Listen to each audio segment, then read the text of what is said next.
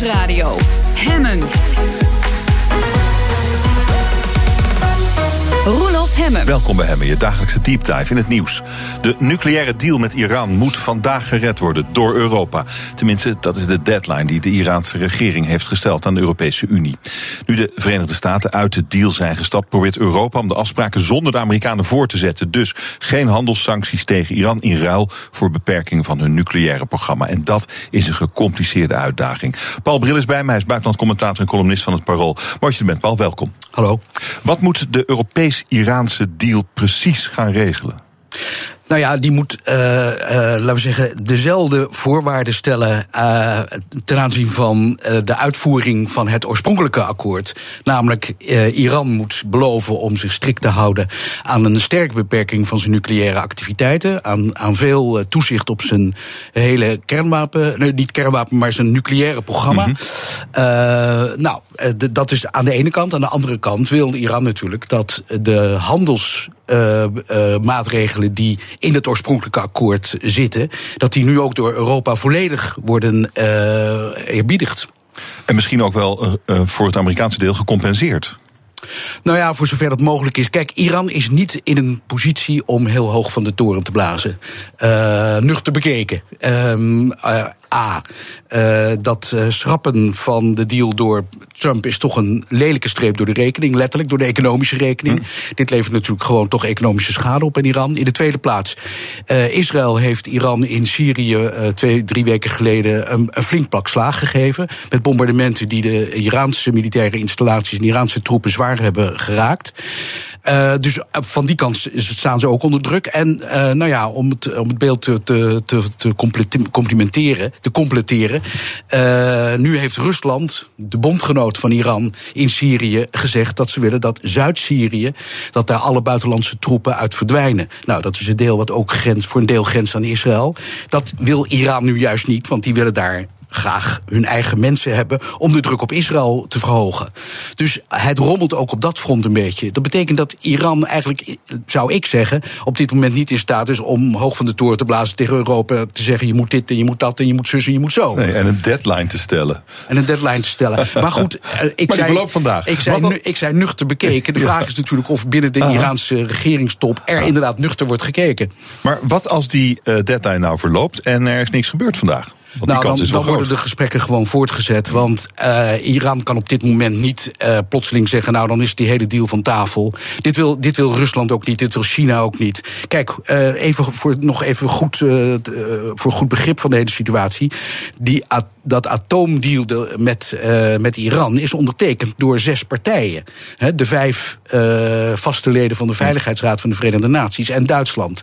Amerika heeft zich eruit teruggetrokken. Maar de andere vijf zijn nog steeds bereid om met Iran zaken te doen. Mm -hmm. Iran zou wel gek zijn als ze nu zeggen: ja, uh, als Europa nu niet meteen alle, al onze eisen inwilligt, dan zien we er zelf ook maar vanaf. Gebeurt er iets vandaag? Zijn er besprekingen? Zijn er, is, is er iets? Of er, er laten we dit er gewoon zal passeren? ongetwijfeld voortdurend gesproken worden. ja. Ik denk uh, veel meer achter de schermen en op een lager niveau, op ambtelijk niveau. Maar dat is zeker het geval. Hoe belangrijk is deze deal dan voor Europa en de andere partijen? Maar daar moeten we zo nog even over. Laten we eerst even naar Europa kijken. Deze deal met Iran. Hoe belangrijk is dat voor ons? Ik denk dat er twee elementen spelen. De eerste is dat Europa ervan overtuigd is dat deze deal toch de beste manier is om Iraanse ambities in te tomen. Uh, het is absoluut geen perfect akkoord. Um, uh, maar uh, hoe je het ook went of keert, de, de mogelijkheden voor Iran om echt een kernwapenprogramma te ontwikkelen worden sterk beperkt. Er is een, een redelijke mate van controle op. Uh, door het internationaal uh, atoomagentschap. Uh, er mogen allerlei dingen niet. En nou ja, zoals het er nu naar uitziet, heeft Iran zich daaraan voor 95 tot 100 procent aan gehouden. Dus de vraag is, wat is het alternatief? Je kunt zeggen, nou ja, het is niet een perfect akkoord en dan gooien we het overboord. Maar wat is het alternatief? Het akkoord is destijds gesloten omdat er een breed internationaal front was dat tegen Iran zei: en nou moet je uh, tot zaken komen, want er zijn sancties waar iedereen uh, zich aan houdt. Dat front is er niet meer. Rusland en China zullen zeker niet meer akkoord gaan met een nieuw sanctieregime ten aanzien van Iran. Uh, nou ja voor Europa geldt, Iran is dichtbij. Hè? Voor, uh, voor uh, Verenigde Staten is Iran toch een stuk verder weg. Dit is een, een, een reëel en serieus gevaar als daar uh, een ontwikkeling komt die maakt dat in Iran kernwapens komen. Want die raketten bereiken ons hier, bedoel je? Ook dat. Ja. Israël komt onder zwaardere druk mm. te staan. Als Iran kernwapens heeft, zullen Saoedi-Arabië en Turkije ook zeer geneigd zijn om kernwapens in bezit te krijgen. Dus dat is een ontwikkeling die je niet wilt. Nou, dat is dus één reden. De tweede reden is denk ik ook wel, laten we, het is soms platter dan, de, hè, dan je denkt.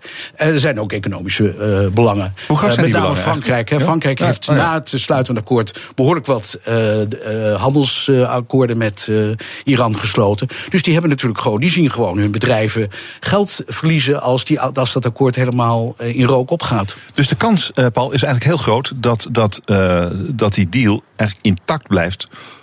Ondanks het vertrek van, van de Verenigde Staten. Uh, in grote lijnen zou ja. dat kunnen. Uh, het, het, hangt natuurlijk ook van één groot ding af. Ik bedoel, Amerika heeft natuurlijk de zaak behoorlijk hoog opgespeeld. Door te zeggen: luister eens, A, we, we, we, we versterken de oorspronkelijke sancties die, die uh, geldig waren, die versterken we nog een keer. Plus het feit dat ze over een paar maanden bedrijven, Europese bedrijven, andere bedrijven in de rest van de wereld, die zaken blijven doen met Iran, ook zullen treffen door een boycott voor, op de Amerikaanse markt. Ja, en dan is de vraag: ja. wat doen A, Europese landen en B, Europese bedrijven. Ik denk dat een heleboel bedrijven zullen denken van... nou ja, onze belangen in Amerika zijn misschien toch wat belangrijker. Laten we, laten we, dat, laten we dat toch maar prevaleren. En ook sommige Europese landen zullen, zullen denken van... gaan wij op dit punt de confrontatie met de Verenigde Staten aan? Ik weet het niet. Uh, dus daar, daar wordt het dan naar. Dan krijgt Europa uh, straf van Amerika omdat we die deal in stand willen houden. Ja. Dan houdt de deal misschien toch nog op te bestaan. Dat zou heel goed kunnen. En, en ja. dan dan gaat Iran weer verder met het nucleaire programma. Dan ontstaat, gaat die dreiging weer groeien. Is dat dan de situatie die je nou ja? Dat, dat, is wat, dat ja, is het gevaar ja. wat dreigt. Maar nou ja, je ziet dus dat en Macron en Poetin... ieder op hun eigen wijze dus proberen dat te voorkomen. He, Macron door, uh, nou ja, door zich heel sterk op te stellen... Uh, voor handhaving van het akkoord... en voor blijvende uitvoering mm -hmm. van het akkoord. Ik denk dat eerlijk gezegd die move van Poetin... om tegen Iran te zeggen... luister eens, jullie, je moet weg uit uh, Zuid-Syrië... ook een manier is om te zeggen: luister eens, wij kunnen een bemiddelende rol spelen. Ook tegen Europa oh ja. en de Verenigde Staten. Van wij kunnen Iran, wij hebben leverage, hè, zoals het in het Engels heet. Wij hebben invloed op Iran. Uh, als wij iets zeggen, dan kan Iran naar luisteren. En dat is misschien ook een boodschap om te zeggen: luister eens, we willen dat akkoord handhaven. En we, willen ook wel, we zijn ook wel bereid om daar in ruil iets uh, extra druk op Iran uh, te zetten. Is er een uh, manier waarop Europa zich kan beschermen tegen sancties van de Verenigde Staten? Ja, als Europa uh, volledig uh, verenigd is. Een verenigd Euro Europees front. En je weet hoe moeilijk zoiets tot stand komt. Ja, dat, dat is dus eigenlijk, dat, dat zal niet gebeuren. Nou ja, je weet het niet. Kijk, er spelen nu twee conflicten met de Verenigde Staten. Eén is dus zijn die staaltarieven, die ja, waren net ook nog in het nieuws. Dus dat is natuurlijk gewoon een, een regelrechte, dreigt een handelsconflict te worden. Nou, en dan komt er dit nog eens bij. Uh, niemand zit te wachten op een soort uh, dubbele, dubbele confrontatie met de Verenigde Staten. Dus uh, de kans is heel groot dus dat, dat dat akkoord toch een beetje als een pudding in elkaar zakt. Ja, ja want er is niemand in Europa die zegt laten we die Amerikanen maar eens een lesje leren. Nou, er, er zijn er voldoende die dat vinden en willen. Maar de vraag is of Europa ertoe uh, in staat is. Dan denk ik dat ze op het niveau, op het vlak van die staaltarieven. Uh, zich harder zullen opstellen dan op het niveau van, uh, van die Iran-deal. Dankjewel voor je analyse. Paul Bril, buitenlandcommentator, columnist, columnist bij het Parool. Dankjewel. Langzaamaan sterft een groot deel van de Nederlandse planten uit. En om dat tegen te gaan komt er nu een soort ark van Noach, een zadenbank. BNR Nieuwsradio. Van goed naar beter. Er gaat heel veel goed in ons land, maar laten we ambitieus blijven. Het kan natuurlijk altijd beter. Vandaag in Van Goed naar Beter de zadenbank. Waarschijnlijk heb je er nog nooit van gehoord. Een aangebrande orgis of omgebogen vetkruid. En de kans dat je ze ooit gezien hebt is helemaal klein, want die planten zijn in Nederland al uitgestorven. En het zijn niet de enige. Sterker nog, de lijst met potentiële lotgenoten wordt langer en langer. En daarom wil botanicus en hoogleraar Joop Schaminet een zadenbank oprichten om de toekomst van de Nederlandse flora veilig te stellen. Joop Schaminet, welkom, mooi dat u er bent. Ja, fijn. Hoeveel planten zijn we al kwijtgeraakt de afgelopen decennia? Nou, we hebben zo'n 1500 soorten in ons land. En daarvan zijn er de, alleen al de laatste 50 jaar toch wel zo'n 40 tot 50 uitgestorven. En er zijn er op dit moment zo'n 70 die echt op omvallen staan, die, die zonder meer uh, binnen de kortste keer kunnen verdwijnen. Dus een, dat is een groot aantal. En een heel groot aantal is verder bedreigd. Dus ik denk dat een derde van de Nederlandse soorten van die 1500 zijn er zeker 500 die echt wat bedreigd zijn. Maar 70 staan op omvallen.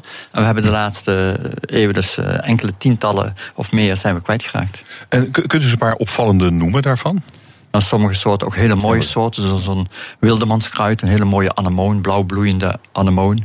Uh, zomer Adonis, prachtige geelbloem. Goeie namen ook. Hele mooie namen, zomer, schroeforges. Ja, zijn er ja, een hele lange lijst. Waarom sterven ze uit? Nou, de belangrijkste reden is toch uh, hoe wij met onze omgeving omgaan. De landbouw is een hele grote, uh, tussen aanhalingstekens, boosdoener. Door productie van ons voedsel. Veel plaatsen is alles ont, uh, ontwaterd, het is vermest, verzuurd.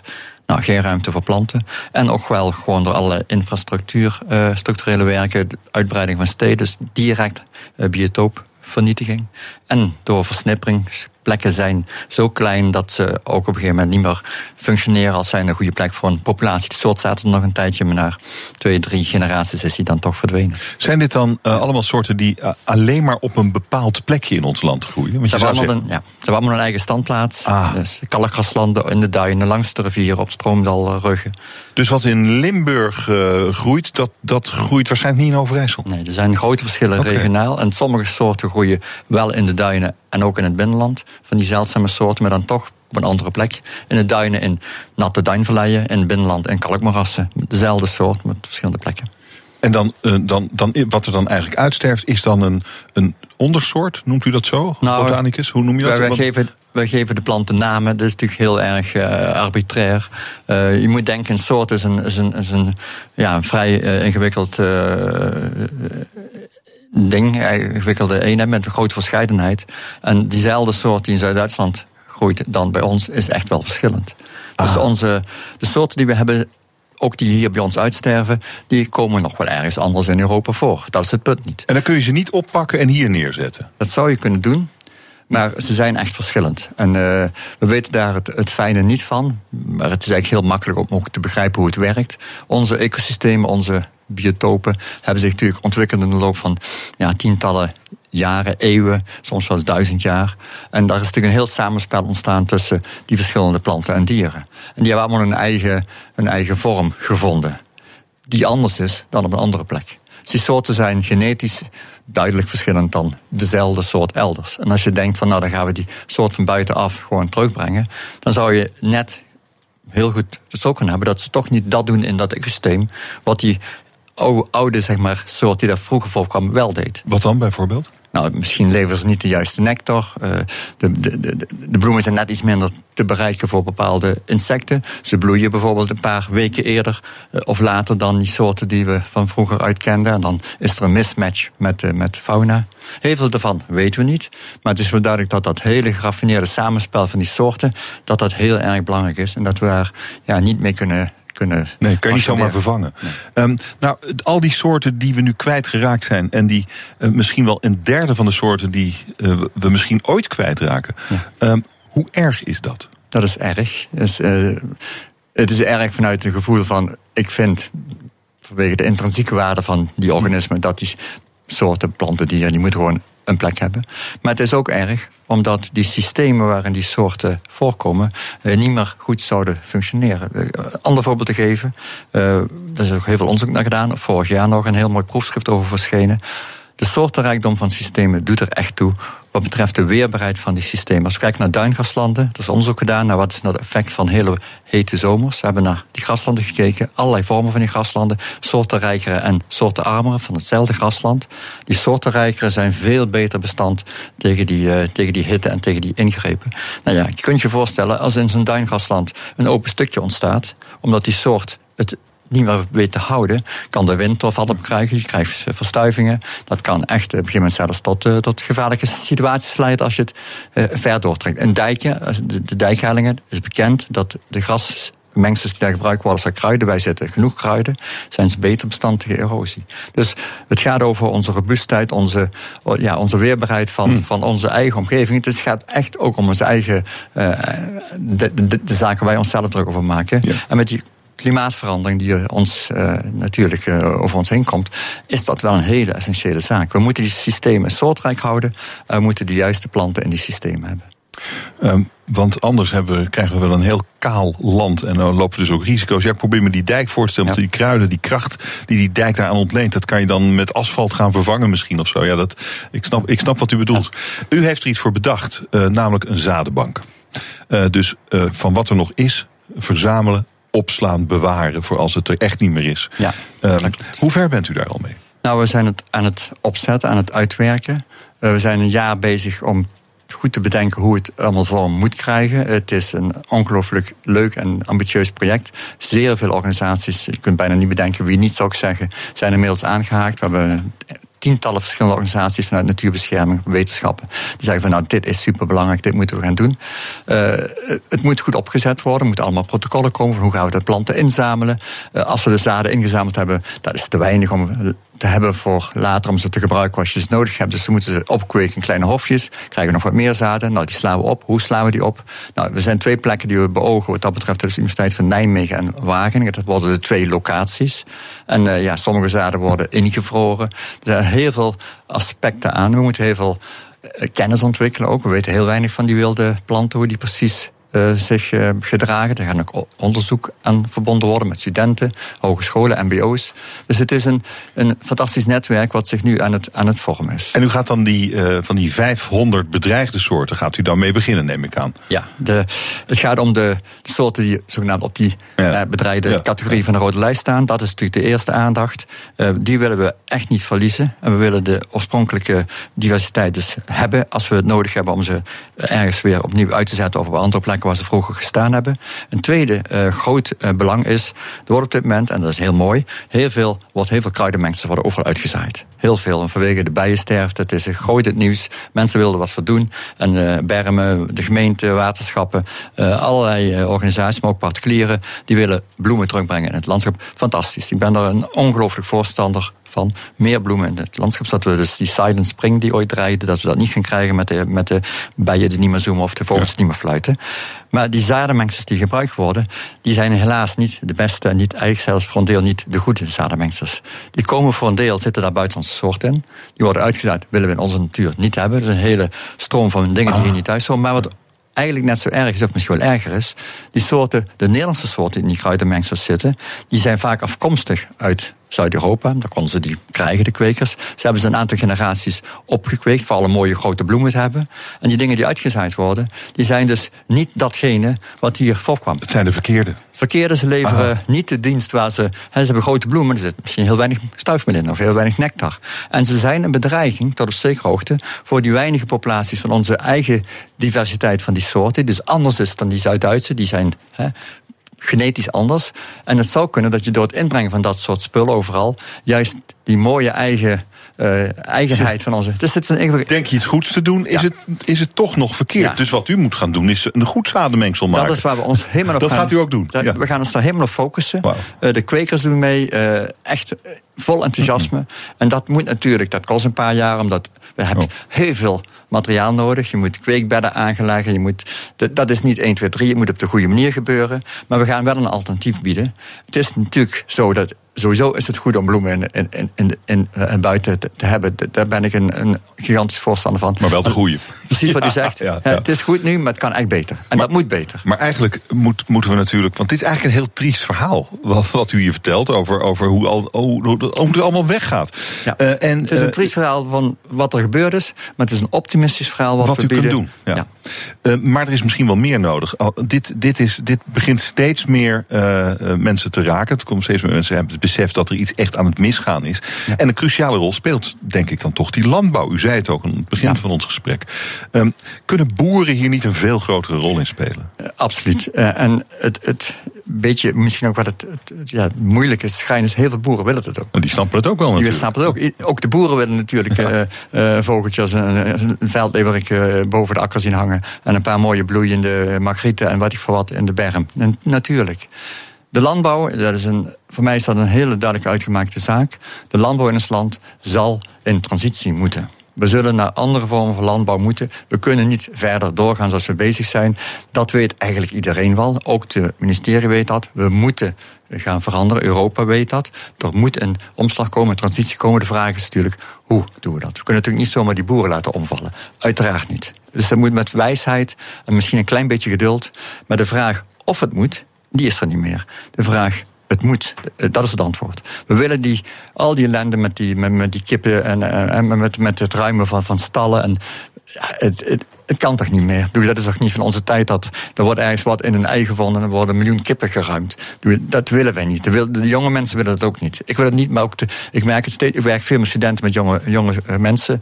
Ze willen dit niet meer. Het moet veranderen. En ik zie een beweging, daar ben ik heel blij om. Ik zie een beweging in die richting dat het ook gaat gebeuren. Maar het zijn stapjes. Het moet natuurlijk, uh, die boeren hebben natuurlijk gewoon hun gezin. Dat moet natuurlijk, uh, oh, hè, uiteraard. Het is, maar we moeten daar, vooral ook de overheid heeft daar een hele grote verantwoordelijkheid Minister Carola Schouten, echt een grote verantwoordelijkheid. En het is ook heel spannend. En je kunt alternatieven bieden. Het is niet zo dat we denken van, nou, het gaat zo slecht, trek de stekker eruit. Nee, er zijn alternatieven. Wat we Schimon ook net eh, getoond is, boeren zeggen van nou, we gaan die melk samen uh, met natuurbescherming gaan we daarover nadenken, met de natuurmomenten. We gaan dat zelf doen op ons eiland, we gaan onze eigen kaas maken en daarmee kunnen we een derde minder dieren houden. En toch onze brood kunnen verdienen. En dat zijn prachtige alternatieven waar ik, ja, word ik heel blij van. Dank u wel voor dit gesprek. Joop Schaminé, botanicus en hoogleraar aan de Radboud Universiteit en de Wageningen Universiteit. Dank u wel. BNR Nieuwsradio. Hemmen.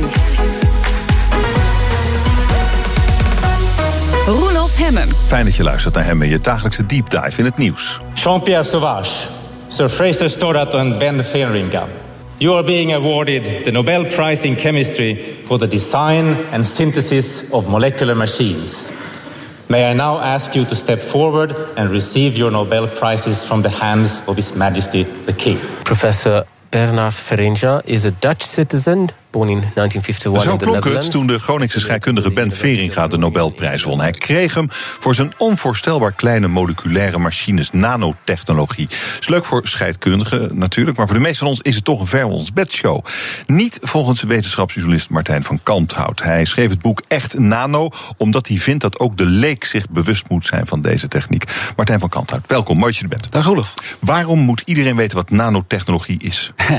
um, omdat het uh, gaat bepalen hoe jouw wereld werkt. En dan kun je natuurlijk denken van als die maar werkt is het goed. Maar ik ben toch meer van de opvatting dat je moet begrijpen, ongeveer moet begrijpen wat er gaande is in je telefoon, in misschien in medicijnen die je uiteindelijk gaat slikken. Omdat je dan nou ja, ook eh, kunt nadenken over of je daar iets mee wil of niet. Hoe zit nanotechnologie in uh, telefoons, in dingen die we elke dag gebruiken. Hoe is het nu in ons leven? Nu is het vooral in materialen, in uh, structuren. Uh, je, in, in een telefoon zitten hele kleine transistortjes. En onderdelen van die transistor die zijn inmiddels een nanometer groot. Een nanometer dat is een miljoenste millimeter. Nou, millimeter is al klein, een duizendste kun je bijna niet meer zien. En een duizendste daarvan is echt onzichtbaar. Maar dat zijn structuren die bepalen hoe de stromen daar lopen, hoe je dus informatie kunt opslaan. Oh. En dat soort uh, uh, piep, piep, piep kleine structuren, die heb je ook nodig om heel veel informatie op te slaan en ook heel snel in en uit te kunnen laten lopen. Um, dat zijn dingen die je alleen maar kunt als je die wereld op die schaal ook echt in de vingers hebt. En jij denkt dat dat uh, over afzienbare tijd heel erg zijn, zijn intrede zal doen in alle facetten van ons leven? Nou, in ieder geval in veel. Uh, ik heb het nu over, over de elektronica. Dat is een mhm. voor de hand liggend gebied. Hè. En natuurkundigen die weten ongeveer hoe je dingen die zo klein moeten worden, hoe je dat maakt. Met, dan moet je met licht en dan moet je tekenen met licht op die schaal. En dan moet je dingetjes laten opdampen. En nou ja, allemaal ingewikkelde natuurkunde. uh, vooral ook omdat je het niet kunt zien. Dus daar bouwen we inmiddels zulke grote machines voor dat het echt een gebouw is. En die bouwen ze in Veldhoven bij ASML. Um, er wordt veel onderzoek gedaan om het allemaal nog kleiner te krijgen. En misschien hoger op te stapelen. Maar dat is één aspect. Uh, er zijn uh, bijvoorbeeld via het werk van Veringa ook hele andere mogelijkheden. En dat is dat je op die schaal, de schaal van moleculen, ons DNA is ongeveer zo groot, uh, echt machientjes kunt bouwen. Dus dingen die doen wat jij wil. Kunnen rijden bijvoorbeeld. Veringa heeft een autootje gebouwd. Autootje, ja. Als een, als een, ja, eigenlijk een demonstratieproject. Een showcase was een dit. showcase, ja, ja, helemaal. Dat was de, de oerversie van de Tesla, zeg maar, op die schaal.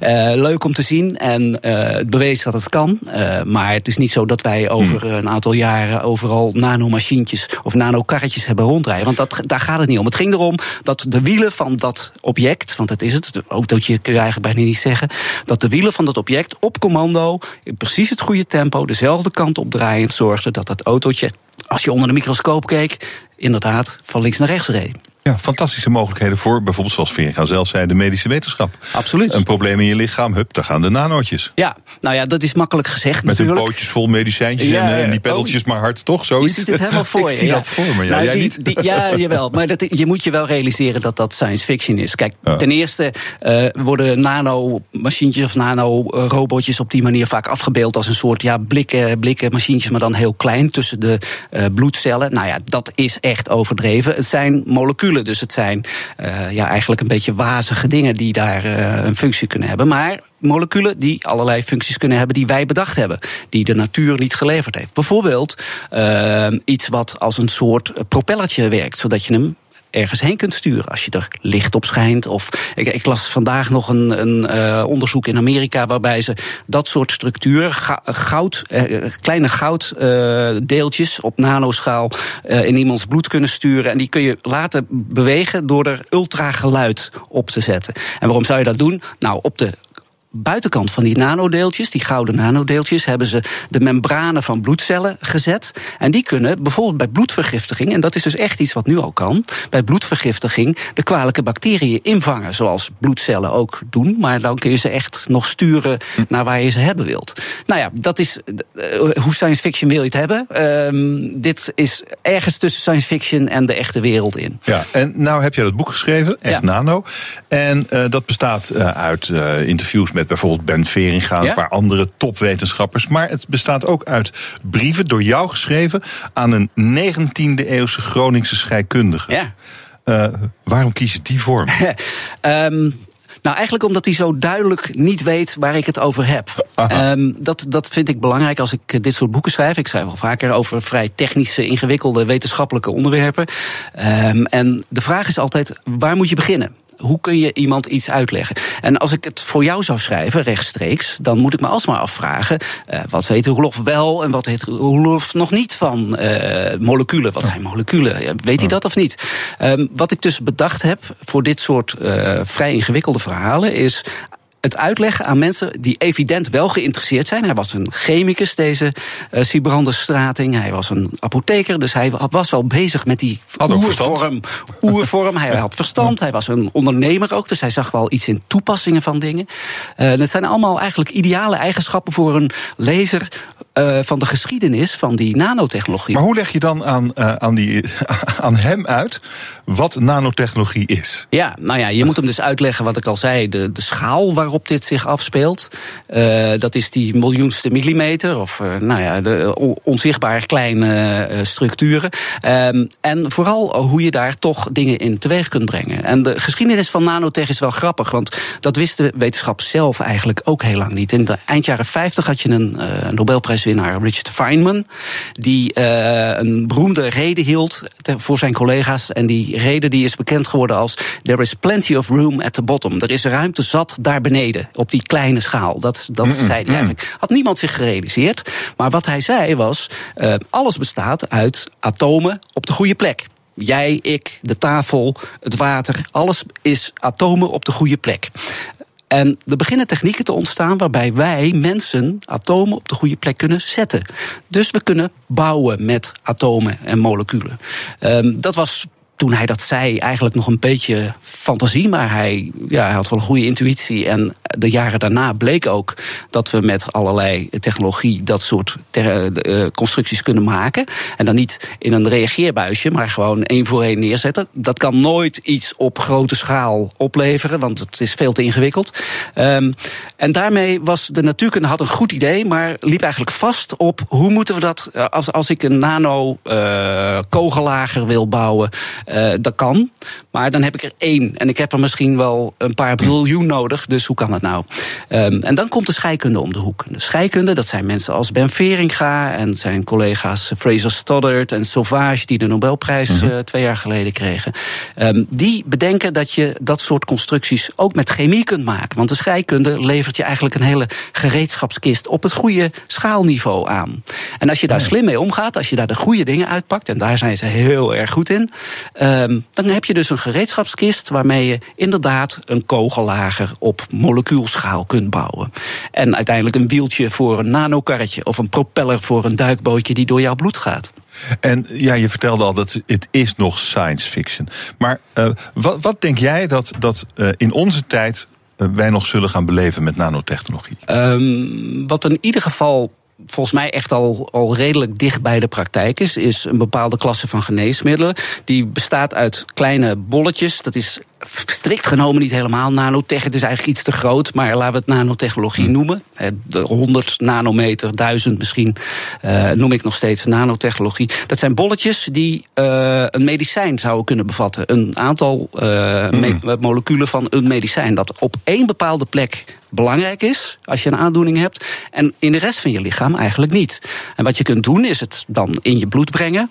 Uh, laten circuleren bijvoorbeeld. Door de bloedomloop zelf. Of misschien aangestuurd door iets anders zoals ik net zei. Maar wat je dan zou kunnen doen is het bijvoorbeeld als laten we zeggen het in de linkerlong van belang is dat dit uh, tot uitdrukking komt. Dan kun je met een signaal uh, zeg maar die moleculen op die plek eruit laten komen. Kun je alsof het kleine doosjes zijn, open. het klepje open doen.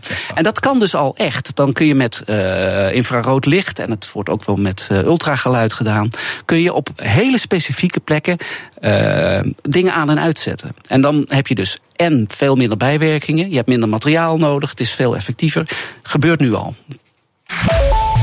zijn er ook risico's. Nanomachientjes zijn dus een miljoenste van een millimeter groot. Wat bijvoorbeeld als je die inademt. Zometeen. BNR Nieuwsradio. Mijn gast is Martijn van Kanthout. Hij heeft een boek geschreven over nanotechnologie. Echt nano heet het. En we hebben net besproken, Martijn, hoe ver we zijn. En dat misschien in onze tijd nog wel ja, echt doorbraken bereikt kunnen worden. Mm -hmm. uh, maar zijn er ook risico's? Sommige mensen denken van wel, hè, dat nanotechnologie ook riskant kan zijn. Waar ja. zitten die risico's in? Nou, de risico's zitten vooral in het formaat van wat je maakt. Namelijk, uh, nou ja, heel simpel gezegd, het is onzichtbaar en het is wel. Dat is al lastig om mee om te gaan. Hè. Hoe moet je dat, als het gevaarlijk zou kunnen zijn, hoe moet je dat beveiligen? Uh, in de omgeving of in een laboratorium, weet ik veel. Dus daar zit al een ongemakkelijk element. Maar wat veel belangrijker is, is dat uh, nanodeeltjes, laten we het maar even zo noemen, of nanomachientjes op die schaal, dat zijn objecten die heel makkelijk ook in, door biologische weefsels heen kunnen dringen. Omdat ze ongeveer op de schaal zitten waar. Poriën in cellen zitten, waar de huid uh, bijna transparant is. Dus de dingen die je maakt, die kunnen in principe, bijvoorbeeld voor de gezondheid, uh, een risico vormen.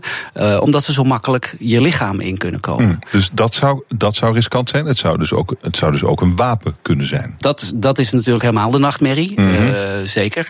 Um, en ja, daarvan kun je alleen vaststellen dat dat voor heel veel technieken ge geldt die, uh, die je op een bepaald moment uh, in de geschiedenis ziet opkomen. Uh, bedoel, het splijten van het atoom was ook niet bedoeld om steden op te blazen. Hij heeft het uiteindelijk wel gedaan. Het is geen argument om te zeggen, je hoeft het er niet over te hebben. Mijn opvatting is altijd dat je bij nanotechnologie, als je toepassingen of, of daadwerkelijk productie van bepaalde systemen zou willen overwegen, dat je echt ongelooflijk goed moet vaststellen dat dat inderdaad geen risico's oplevert. En of dat in wapensystemen terechtkomt, dat, ja, dat is een soort oorcategorie. Daar kun je niet bij voorbaat uh, tegenin gaan. Uh, sterker, dat geldt natuurlijk ook voor alle genetische technieken die we nu uh, op grote schaal in de wereld in laboratoria zien, zien optreden. Het verbouwen van, van DNA tot -hmm. functionele eenheden. Dat gebeurt allemaal en dat is ja, een schaduwzijde van kennis verwerven en ontdekken hoe je dingen kunt bouwen en manipuleren. Um, neem niet weg dat ik zeker denk dat er aan de positieve kant Uh, veel, heel veel te halen is. Um, en dat je daarbij, als je dat wil, voortdurend moet afvragen: welk risico introduceer ik? Zoals je eigenlijk ook met chemicaliën doet en met uh, biologische stoffen die je introduceert. Je moet weten wat je aan het doen bent. Uh, Ik vind dat logisch. Um, ja, maar daarvan zou je nog kunnen zeggen: dat, dat zijn natuurlijk vaak ook gassen, bijvoorbeeld, die mm. heel link kunnen zijn in hoge concentratie. Ja. Maar we weten niet natuurlijk hoe, hoe gevaarlijk het is als je nanodeeltje inademt. Ik, nee. ik stelde de vraag: wat zou wat is het risico van het inademen van... Nou, is er een risico? Of uh, verlaat het je nou, lichaam? Het hangt er, hangt er, heel erg vanaf wat het is uiteindelijk. Hmm. Uh, kijk, veel mensen vergelijken het met asbest. Hè? Asbest zijn hele kleine vezeltjes. Uh, niet helemaal nanoschaal, maar wel in die orde. Ehm, asbestvezels zijn, dat weten we, gevaarlijk. En die zijn gevaarlijk om, eigenlijk vooral vanwege hun vorm. ze zijn heel erg klein en ze kunnen op celniveau dingen lek prikken. Dat is eigenlijk wat er gebeurt. Ehm, dat leidt tot schade aan DNA, die uiteindelijk tot uh, kankerachtige uh, aandoeningen kan leiden. Dat is asbest. Nou, van asbest hebben we vastgesteld, daar moeten we inderdaad anders mee omgaan dan we destijds in de jaren 50 en 60 dachten hè, met onze schuurdaken. Hoe is dat met nanotech? Um, ik denk dat er, als je nu een product voorstelt waarin nanodeeltjes zouden zitten, dat je heel hard moet aantonen dat dat soort kwesties niet aan de orde zijn. Dus dan moet je onderzoek doen. Uh, wat doet het in weefsels? Wat doet het in proefdieren? Wat doet het uiteindelijk misschien in het menselijk uh, lichaam? Allemaal kwesties die aan de orde mm-hmm. zijn. Dit is, um, nou ja, Ben Veringa is een groot voorloper in deze technologie. Ja. En um, hij werkt ook. Um, uh, als ik het goed heb begrepen, aan een, een technologie om CO2 op te ruimen. Ja. Er brandstof van te maken. Ja, ja, ja zeker. Uh, dus uh, dan zou je ook dus nanotechnologie kunnen inzetten op enorme schaal. Hoe werkt dat dan? Um, nou ja, daar kom je dus eigenlijk weer een beetje in de buurt van waar ik het eerder over had, materialen. Of, of uh, uh, je had die chips, maar je kunt ook hele grote materiaaloppervlakken maken, bijvoorbeeld met ja. bepaal, hele bepaalde eigenschappen. Waardoor je chemische reacties veel makkelijker kunt laten verlopen. Een soort katalysator zou je kunnen zeggen. En daarvoor heb je waarschijnlijk uh, op molecuulniveau de juiste constructie nodig. Die hebben we nog niet, maar die zou je kunnen bedenken. En daardoor kun je veel makkelijker of veel efficiënter eigenlijk dan tot nog toe met allerlei ingewikkelde technieken lukt om CO2, weet ik wat, vast te leggen of in ieder geval in brandstof om te zetten. Die chemie die daar nodig is, die kan je enorm helpen als je op molecuulniveau echt de boel beetpakt en regelt. Uh, en hij heeft een visioen, een droom, in ieder geval een wens om daar iets te bereiken. Uh, um, in, de, in de energiesector, in nou ja, klimaatproblematiek als het om CO2 gaat. Dat zijn de dingen die hij graag als, als verre droom uh, hanteert om nou ja, zijn onderzoek ook richting te geven, zijn studenten te inspireren. Hij roept voortdurend op: jongens, denk aan dat soort dingen. Wat is jouw fascinatie voor uh, mensen als Ben Veringa, waar ze mee bezig zijn? Hoe komt dat? Ik, wat ik er mooi vind, ik heb dus Sauvage en uh, Stoddard en Veringa alle drie echt geïnterviewd voor het, uh, voor het boek. Um, en wat ik er zo fascinerend aan vind, is dat het vooral echt extreem nieuwsgierige mensen zijn. Die elke dag iets nieuws willen meemaken in dat opzicht. Een soort avonturiers. Ben Veringa die woonde als jongetje op de grens van uh, Drenthe en, uh, en Duitsland. En hij wilde niets liever, heeft hij me wel eens in dat interview uh, en daar ook eerder wel verteld. Hij wilde niets liever dan kijken wat er achter die grens was. En hij zegt eigenlijk is mijn leven nog steeds zo. Er is een grens van wat wij weten en wat we kunnen weten. En ik wil altijd ik wil altijd die grens over. Ik wil weten wat er net achter ligt. En dat is als je dan met die andere twee Nobelprijswinnaars, met z'n drieën hm. kregen ze die prijs, praat, dan, dan zie je er eigenlijk precies hetzelfde. Het zijn grenzeloos in dat opzicht nieuwsgierige mensen die, nou ja, bovendien natuurlijk wel heel vaardig zijn en in de natuurwetenschappen overduidelijk getalenteerd, maar die, die drive om precies te pakken waar je hm. net niet bij kunt.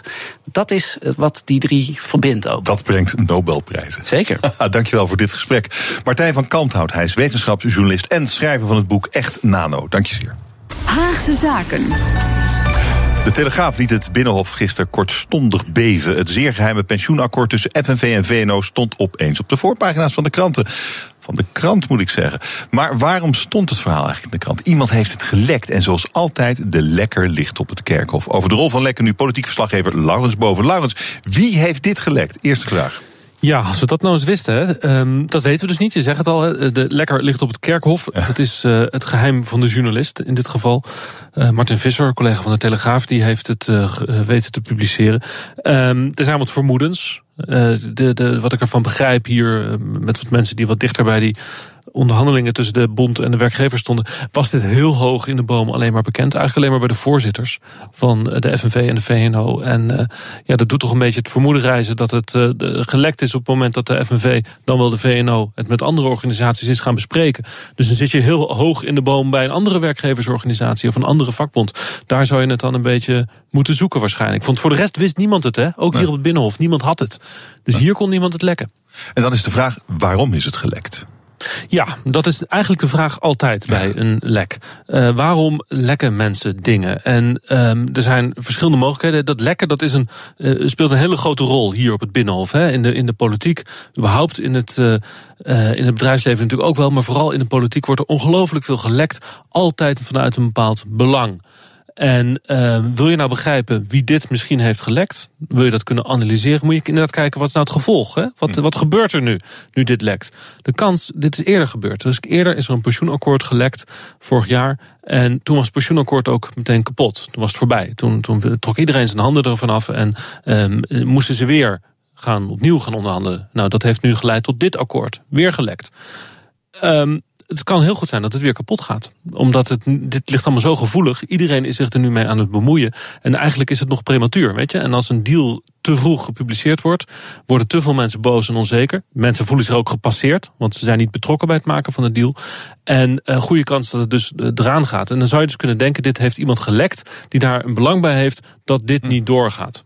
Um, maar wie dat dan is, dat kan bijvoorbeeld een van de andere bonden zijn, hè, of een van de andere werkgeversorganisaties, of misschien iemand bij de SER die vindt dat ze gepasseerd worden door de bonden en de, en de vakbond, door de hmm. bonden en de werkgevers. Hmm. Welke rol speelt het lek in het algemeen in Den Haag? Nou, je hebt dus verschillende soorten lekken. Uh, dit is dus duidelijk, uh, vermoedelijk, dat is even de aanname op dit moment, was dit een, een agressieve lek om een deal kapot te maken. Uh, dat hoeft lang niet altijd te zijn. En meestal wordt hier gelekt omdat uh, er aandacht nodig is. Het zijn vaak ministeries die komen met een plan. Nou, plannen die worden natuurlijk op een bepaald moment gewoon gepubliceerd, regulier, via een brief aan de Tweede Kamer of via een besluit van de ministerraad. Um, maar dan heeft iedereen het op hetzelfde moment. Alle journalisten hebben dan een officieel persbericht. En dan vinden wij journalisten dat niet meer zo leuk. He, dus wij vinden het leuk, wij van de pers willen graag iets exclusief hebben. We willen een primeur hebben. Mm, ja. En uh, dat weten de woordvoerders, en dat weten de ministers, en daarom lekken ze. Ze lekken, ze geven iets exclusief aan jou, aan de Telegraaf of aan BNR of aan RTL, of wie dan ook. Uh, in, de, in de wetenschap dat wij dat dan heel groot publiceren. He, want we hebben een primeur. Een primeur zet je op de voorpagina. Dus lek jij iets dan weet je, het staat op de voorpagina. Anders doe je het ook niet. Anders lek je het voortaan wel naar een ander die het wel op de voorpagina zet. Je wil dus aandacht en daarom lek je. Dat is eigenlijk de belangrijkste reden waarom er wordt gelekt. Um, maar dat is natuurlijk niet de enige reden. Je, je, wordt ook gelekt om dingen, een proefballonnetje op te laten. En dan wordt er geschoten en dan weet je meteen een beetje van nou, dit valt goed, dit valt slecht. Als het mhm. slecht valt, kan je het meteen weer intrekken. Er wordt natuurlijk ook heel agressief gelekt om tegenstanders kapot te maken. De, bijvoorbeeld uh, uh, dit, dit, dit lek van, van de pensioenakkoord, het ging om de inhoud. Maar je kan natuurlijk ook lekken om een, om, om, om een politiek tegenstander, een persoon kapot te maken. Hm, heb jij een voorbeeld geheim te verkleppen? Um, nou ja, de, de, ja, dat is nou lastig. Ik zat oh. even, met, mij schiet meteen Halbe Zelstra in het hoofd. Uh, oh ja. Dat was niet zozeer lekken om hem kapot te maken. Maar dat was. Kijk, dat, dat was wel het gevolg. Ja, het grappige is, je, denkt natuurlijk heel snel bij lekken. Als, als de Telegraaf zo'n primeur in de krant schrijft, dan denk je meteen heel, heel snel van: hey, goed werk van zo'n journalist, hè, dat hij dat boven tafel heeft gekregen. Maar dat is vaak helemaal niet zo. Want eh, Martin Visser die heeft weliswaar een heel goed netwerk. En in dat netwerk is hem dit verhaal aangereikt. En hij zet het op de voorpagina. Maar het is geen researchjournalistiek in die zin. Het is niet, en dat is misschien daarom dat ik aan Halbe Zelstra eens moest denken. Dat is van de Volkskrant, uh, dat verhaal over dat, die Dacia, wat uiteindelijk heeft geleid tot de val van Halbe Zelstra. Dat was geen lek. Dat is gewoon de Volkskrant zelf die dus een. Um, uh, een verhaal boven water heeft gekregen. Dat helemaal heeft uitgerechercheerd en dat heeft gepubliceerd. En dat leidt tot de val van Zelstra. In die val Tijdens die val werd er wel aan alle kanten gelekt. Daar werd er uh, eigenlijk door het ministerie gelekt om de bron te beschermen. Om eigenlijk Jeroen van der Veer van de Shell aan te vallen en om uh, Zelstra te beschermen. Of althans om te zeggen dat, Zelstra, dat Jeroen van der Veer eigenlijk Zelstra steunde.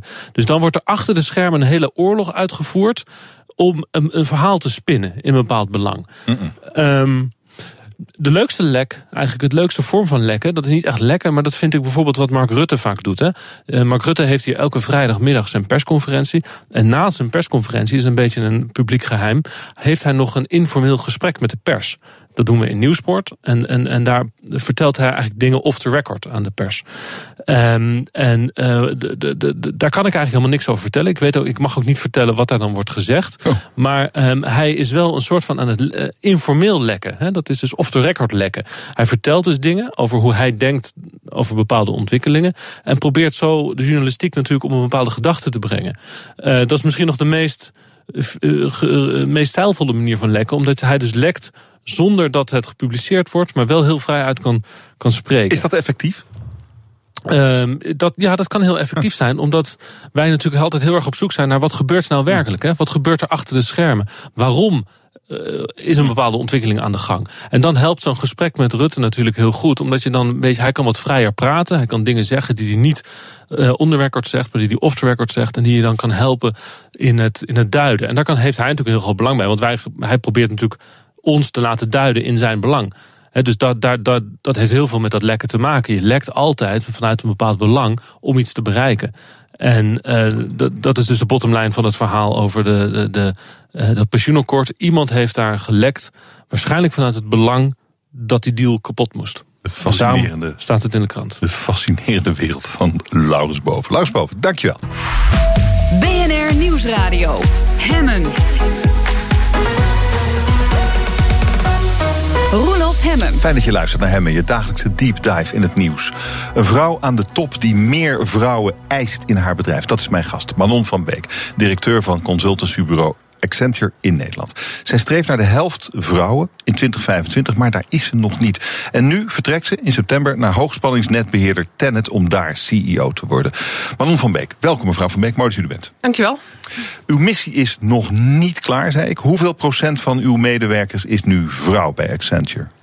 Nou, we hebben deze maand de 30 procent uh, vrouw bij Accenture in Nederland. Um, en waar ik nog trots op ben, we hebben uh, iets meer dan 40 procent nu in het recruitingproces. Dus wat er elke maand binnenkomt. En dat wordt elke maand een beetje meer. Dus op dus, weg naar de 50. Dus je zegt ruim voor 2025 zit u op die, of nou, uw opvolgster op die 50 procent, denk je dan? Nou, dat is niet helemaal waar. Oh, want? Uh, we oh. hebben ook altijd gezegd, uh, toen wij die ambitie hebben gezet, is het niet zo als je zeg maar business as usual neemt, dat je er dan uh, komt. Dus daar is wel een serie voor maatregelen, sturing, maar ook wel wat meer provocatieve maatregelen nodig geweest om dat te bereiken. En ik vermoed dat Aha. dat ook voor de komende jaren nog wel ja, ja, het geval ja. zal zijn. Want als je er niet meer op let. Dan gebeurt het ook niet, bedoelt u? Nee, dan staat het dus snel stil. Hoe zit het? Uh, 30% op de werkvloer en dat is aan het groeien. De werkvloer, groot en breed begrip, in leidinggevende functies. Hoe is de verdeling daar? Het zit nu rond de 20% en dat moet voor 2020 naar de 25 en uiteindelijk ook naar de 50% Dus daar is nog een enorme versnelling te gaan. Maar dat begint natuurlijk bij de start door mensen aan te nemen door te ontwikkelen en te zorgen dat we gelijkwaardig uh, mensen promotie maken. Um, en uh, de Raad van Bestuur? Of ja, hoe noemt u het? Directie? Ja, ons, uh, ons, ons, ons directieteam. Um, nou, ik moet zeggen, we hadden de afgelopen jaren 50-50.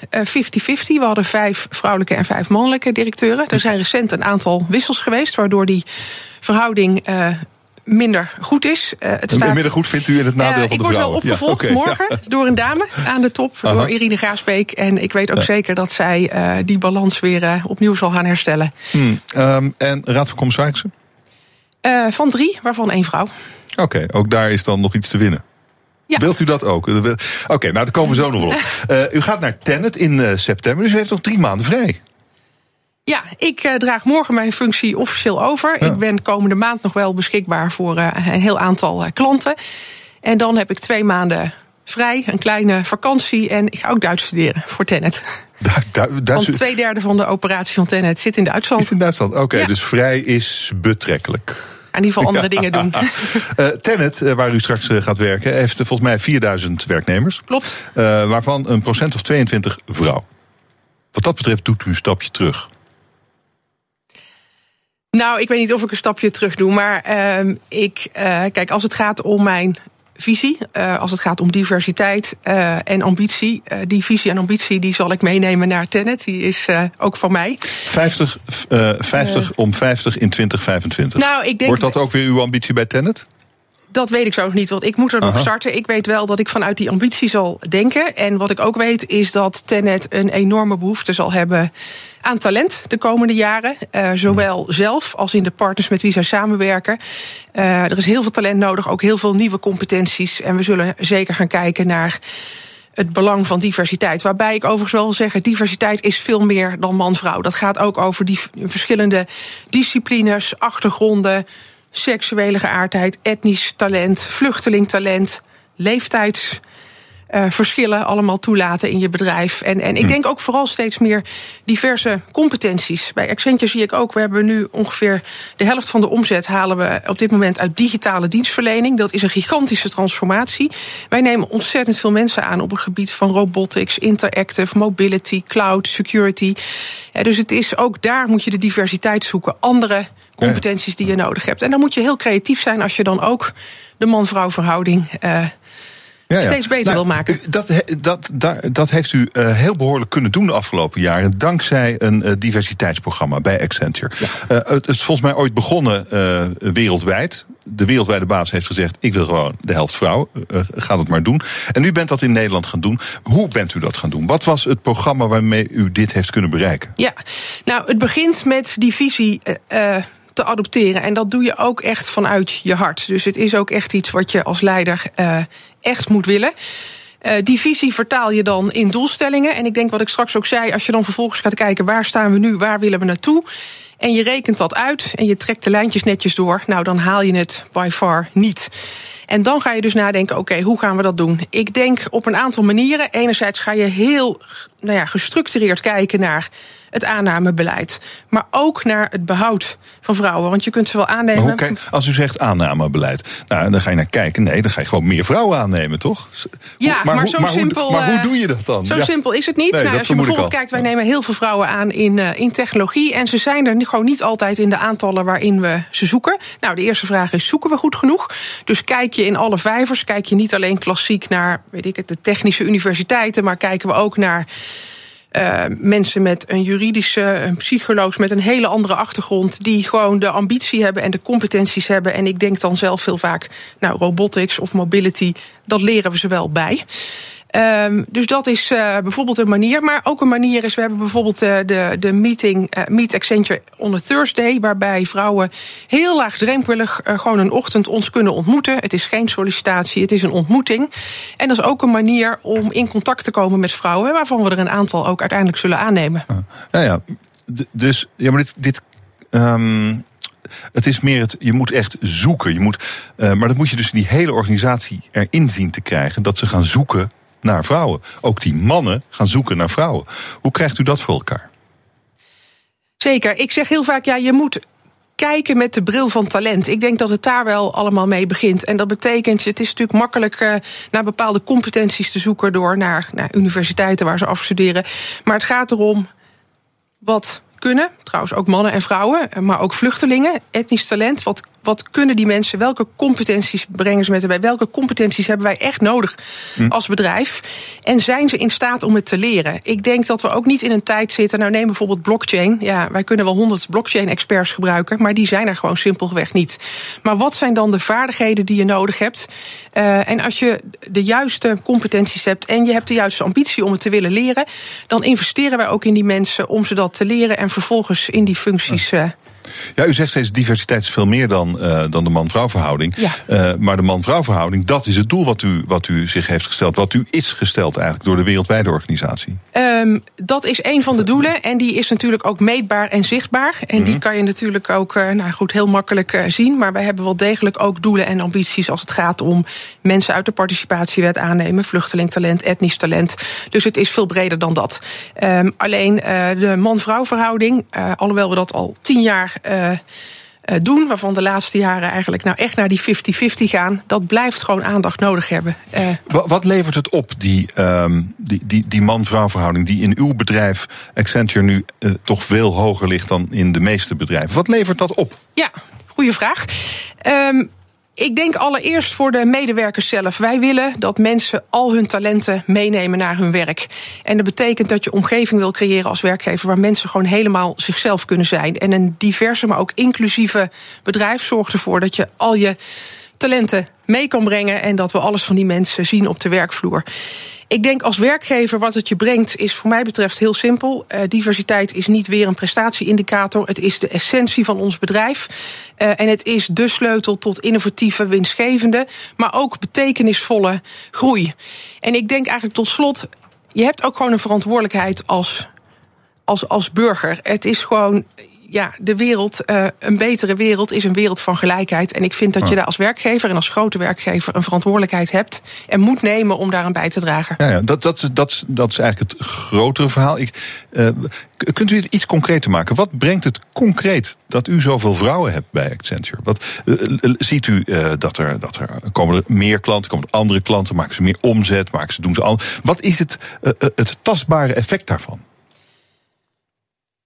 Nou, de vrouwen alleen maken niet het verschil, maar de vrouwen en de mannen en alle mensen die wij ja. hebben, maakt dat wij tot innovatievere oplossingen kunnen komen met klanten. Ik denk ook waar je traditioneel als consultancybedrijf ja, opdrachten deed voor klanten. Van komt u maar met ons probleem en wij lossen het voor u op. Is dat enorm veranderd. We zitten steeds meer in ja, co-creatie, samen innoveren. Als je dat doet met man, vrouw, maar ook met mensen uit andere culturen, landen die in andere sectoren hebben gewerkt. Als je dat allemaal bij elkaar brengt, dan kom je tot betere oplossingen. Ja. Maar het is ook heel hard meetbaar dat als je het niet doet, dat je gewoon tenders, aanbestedingen gewoon verliest. En ik kan me ook nog herinneren, een jaar geleden, dat we gewoon aanbestedingen hebben verloren met gewoon de opmerking: het team wat je ons voorstelt is te veel eenheidsworst. Oh dus zo kan je het ook meten. Zeker. Uh, het, hoe doet u het eigenlijk met Accenture Nederland uh, wereldwijd gezien binnen die organisatie? Als het om het aantal vrouwen gaat? Um, wereldwijd um, zit er enorme progressie. Dus we zitten wereldwijd op die getallen die ik straks voor Nederland noemde, zitten we daar wereldwijd al ietsje boven. Oh. Misschien wel tot mijn eigen verbazing, want ik denk zelf in Nederland denk je, nou ja, wij omarmen eigenlijk die hele mindset van diversiteit. Sowieso als Nederlanders denk ik enorm. Maar je ziet dat uh, uh, niet alleen Accenture, maar gewoon heel veel in Nederland uh, op de Europese schaal ja, loopt gewoon ongelooflijk achter als het gaat om diversiteit. En zeker als het gaat om diversiteit aan de top van de bedrijven. Ik geloof van alle bestuurders in Nederland dat nu een kleine 6% vrouw is. Nou, dat is eigenlijk best uh, beschamend. Als je kijkt naar de commissarissen, wordt het al beter. Met 25 procent. Dus ik ben ook wel positief dat het op termijn gaat veranderen. Want als in het toezicht vrouwen zitten in een goede verhouding, dan zullen zij ook gaan eisen dat die in de besturen uh, in gelijke mate verschijnen. En als je dan meer vrouwen in je bedrijf wilt, moet je dan soms mannen passeren. En hoe ga je dan om met weerstand? Ik praat zo verder met topvrouw Manon van Beek van Accent. BNR Nieuwsradio. Hemmen. Mijn gast is Manon van Beek, nog een dag directeur van consultancybureau Accenture in Nederland. Maar per 1 september wordt ze de CEO van Tenet, dat is een netwerkbeheerder. Ik praat met haar verder over de diversiteit op de werkvloer en hoe zij met Accenture daar grote stappen in heeft gemaakt. In een land dat het eigenlijk heel slecht doet op dat gebied, hebben we net vastgesteld. Uw opvolger is ook een vrouw. Uh, was er een man in beeld? Was er een strijd of was er geen discussie over? Er was zeker een proces en daar zaten ook mannen in, in dat proces. En uh, er is gekozen, denk ik, voor de beste kandidaat. En dat is een vrouw. Oké. Okay. En ik vind het altijd wel leuk dat je dan zegt weer een vrouw. Want dat, ik heb dat een paar jaar geleden toen ik ben benoemd. Ik ben ook een dame opgevolgd, Anja ja. Montijn. En toen was ook de opmerking weer een vrouw. Waarvan ik dan denk, nou ja, als er weer een man is, dan krijg je die vraag volgens mij nou toch ja, minder. Omdat het opvallend is. ja. We stelden net vast dat er maar een mini klein, uh, klein aantal, aantal, aantal mensen zoals u is. Vrouwen aan de top van een bedrijf. Dat zijn er ook maar heel weinig. Dus het is bijzonder. Oké, okay. uh, dus zij was de beste kandidaat. En speelt het dan geen rol dat zij een vrouw is? Wilde de commissie niet per se heel graag een vrouw als uw opvolger? En, en zou dat eigenlijk slecht zijn? Ik denk dat daar ook naar gekeken is. Maar ik weet ook dat, weet dat, dat zij. Uh, nee, ik ben niet over dat proces gegaan oh. van mijn eigen opvolging. Dat zijn anderen. Hmm. Zou u vinden dat uh, je mag zeggen. er moet gewoon een vrouw komen? Ik denk dat je moet kijken naar de hele balans van het uh, directieteam. En als dat uit balans is, dan mag, je, mag dat zeker een belangrijk aspect zijn. Geldt andersom ook. Ik zit nu zelf in de raad van toezicht met alleen maar vrouwen. Waarbij we toch ook met een schuin oog kijken. Het is wel fijn als we hier een man gaan toevoegen. waar, waarom, twee kanten op. Waar, waar, waarom zou dat dan fijn zijn? Ook voor een stuk uh, de- diversiteit. Het, is, het gaat om balans. 50-50, Ja, het gaat ja. allemaal om balans, zeker. Maar ik, ik, ik, vind, eh, heeft u wel eens eh, eh, mannen gepasseerd? Gewoon gezegd, nee, ik neem, ik neem een vrouw omdat zij gewoon een vrouw is. Jullie zijn even goed en dus neem ik een vrouw. Ja, ik denk dat eh, kwalificaties bij ons altijd wel. Dus iedereen die een promotie maakt of voor een rol in aanmerking komt, is gekwalificeerd. En ik denk dat zit zo in de genen van ons bedrijf. Daar eh, hoef je niet eens moeite voor te doen. Nee, dus dan kies je bij ge- gelijke geschiktheid een vrouw. Eh, dat kan in sommige gevallen. Nee, maar nou, daar is ook maar niks doet, u, mee. doet u dat ook? Ja, zeker. Ja, en wat zegt die man dan? Nou ja, het goede nieuws is dat ons bedrijf groeit en dat er dus uiteindelijk kansen zijn eh, voor iedereen. Ja, maar Ehm, op dat moment, voor die baan, is die man gepasseerd omdat hij een man is. Er waren twee geschikte kandidaten en de keuze gaat naar een vrouw. Je zou de andere kant ook toch ook niet zeggen van ik ben gepasseerd. Nou, maar zo, kan, zo zou zo'n man zich best kunnen Dat voelen. kan. En er komt natuurlijk ook wel, eh, er komt ook wel eens kritiek. Dus ja, het gaat niet zonder weerstand als dat eh, de vraag is. Ja. Nou, het is een vorm van discriminatie, zou je kunnen zeggen. Als je je daardoor eh, gepikeerd en gepasseerd voelt, dan zou je daar nog, een- nog een groot punt van kunnen maken. Wat zegt u tegen die man als die komt klagen bij u? Ehm, ik, ga alle, nou, ik ga altijd graag als er kritiek komt van positieve discriminatie. of kunnen wij hier ook nog promotie maken of dat soort. Als mensen dat zeggen of ik hoor dat, dan nodig ik ze altijd uit voor een kop koffie en dan ga ik in gesprek. Ik wil altijd graag in de gesprekken over gewoon de feiten en de cijfers. Want je kan dat wel vinden, maar als je gewoon kijkt naar de cijfers en kijkt naar de voortgang op het niveau van Nederland, maar ook Accenture dan vraagt dat gewoon om, om actie. En ik hou er ook altijd wel van om het in zo'n gesprek dan om te draaien. En dan vraag ik vraag, weet je, wat denk je zelf? Wat zou jij doen? Eh, En dan wel ervan uitgaande dat die visie van diversiteit en van gelijkheid, dat we daar eh, over eens zijn. Ik denk wel dat als je bij Accenture werkt, dat die visie van gelijkheid zo in de genen zit in het DNA van ons bedrijf. Dat als je je daar niet mee verenigt, vraag ik me af of je op lange termijn echt bij ons thuis voelt. Maar als we daarvan uitgaan, ik draai het ook vaak om. En daar komen soms ook weer goede nieuwe ideeën uit. En die neem ik dan eh, mee. Wat voor goede ideeën dan? Nou, ik, weet, ik heb bijvoorbeeld vorig jaar dat iemand zei van ja, je hebt het allemaal over etnische diversiteit. We hebben inmiddels 68 nationaliteiten hier in dienst bij Accenture. Maar waarom zie ik dat niet terug in het directieteam? En ik dacht, ja, je hebt helemaal gelijk. En dat jaar zijn er nog twee, drie wissels geweest. Waarin we nu ook wat etnisch diverser zijn geworden in ons directieteam. En dat is dan gewoon ook wel eh, de feedback die ik te harte neem. Ik denk, ja, practice what you preach. Dat moet ik ook in het directieteam laten zien. Ja, maar ik denk dat u er ook wel vrij geharnast in zit. Eh, m- Misschien heb ik ongelijk hoor, maar ik denk eh, van, nou, het is my way or the highway. Als het gaat om deze kwesties, als het gaat om nou, issues waar we het net over hadden, mannen, vrouwen. Nou, geharnast eh, weet ik niet. Wel geharnast in de zin van eh, de visie waar we naartoe gaan. En dat we daar naartoe gaan in 2025. Maar dat is ook de praktijk van dat elke is dag. niet een en dat- open debat. Maar hoe Nee, we daar naartoe kunnen gaan. Dat is niet een open debat. Nee. Oké. Dat is een visie waar wij met elkaar Dat naartoe moet. willen. Nou, maar er zijn heel veel manieren om daar te kopen. Heel veel snelheden, heel veel aanpakken. En daar, en daar, daar, daar ben ik zeer open voor. Hmm. En daar experimenteer je ook. Ja, ja. Het, kan natuurlijk ook de andere kant op gaan. Het kan ook zijn dat die man die zich gepasseerd voelt, eh, ondanks alles, zich toch gepasseerd, dat, die, dat dat leidt, dat het ertoe leidt dat vrouwen binnen het bedrijf met een scheef oog worden aangekeken. Komt u dat tegen? Ehm, ja, natuurlijk hoor je dat wel eens. Maar ook, ook daar geldt, als je kijkt naar, nou noem eens wat, de hoeveelheden promoties, dan is 70% van de promoties zijn nog steeds mannen, omdat, we, omdat dat ook de verhouding is van ons bedrijf. Dus het gaat mij ook alleen maar om gelijkheid. Dat ik evenveel vrouwen als mannen een promotie gun. Dus ik kan dat heel goed, eerlijk gezegd, naar mezelf en naar anderen uitleggen. En dat gesprek ga ik ook niet uit de weg. Ja. Nou, ik hou het u allemaal voor, omdat het zijn natuurlijk vaak de argumenten Ja. tegen eh, een beter diversiteitsbeleid. En uit uw verhaal blijkt, als, als de leider het wil, dan gaat het gewoon gebeuren. Dus het ligt gewoon eh, dat wij in Nederland het niet goed doen. Dat we achterblijven in Europa en de wereld. Dat ligt gewoon aan uw collega's bij andere bedrijven. Aan de mannen nou, het gaat wel om, je kunt die visie hebben en dan sturen op targets. Ik heb wel gemerkt, eh, je moet wel van lange adem zijn. En het gaat ook om al die kleine dingen. En als ik een kort voorbeeldje mag geven. Neem bijvoorbeeld weer eh, promoties. En dan, dan geef je aan, we willen evenveel mannen als vrouwen, relatief gezien, dan promoten. En dan gaat de ene afdeling gaat vertellen dat ze toch 10, 5% afwijken of 3%, of dat de aantallen te klein was. Allemaal excuses, allemaal 2, 3, 4%. Maar je telt het allemaal op tot de 3000 mensen die wij hebben. En het telt dus precies op tot die 10% waar ik elke keer naartoe zit te kijken. Dus het gaat denk ik ook als CEO om, ja, je kan die visie hebben, maar je moet dus sturen op de kleine details. En ik ben daar ook strenger in geworden de afgelopen jaren, omdat, nou ja, time's up zeg ik heel vaak. Dus 0% is 0%. Dus 1% is geen 0. Dus daar moet je dan nog even naar kijken. Een paar weken geleden was uh, minister van Engelshoven hier, Ingrid van Engelshoven. Zij gaat over deze issues vanuit het kabinet. En zij zei dit. Luister even mee als die cijfers er dan niet beter uitzien, gaan we, gaat het kabinet echt stevige maatregelen nemen. Maar ik hoop uh, dat het bedrijfsleven zelf denkt van ja, het zou toch te erg zijn als de overheid extra dwingende maatregelen moet gaan nemen om te zorgen dat wij ons gewoon aan de wet houden. Want de afspraak 30% staat in de wet. Nou ja, zij overweegt dus, zij noemde in dit gesprek ook nog een percentage. Zij zei als volgend jaar niet een, procent of uh, tien beter is, dan gaat ze ingrijpen. Komt ze met een quotum en misschien ook wel met boetes. Dat is volgens mij ook wel wat u voorstaat. Inmiddels wel, eerlijk gezegd. ik ben nooit een voorstander. Ik ben nog steeds geen voorstander van quotum. Ik vind het eigenlijk een zwaktebod als je als bedrijfsleven zelf niet kan laten zien uh, dat we dit voor elkaar kunnen krijgen. Ik snap ook dat de tijd tikt en dat het nu 2018 is.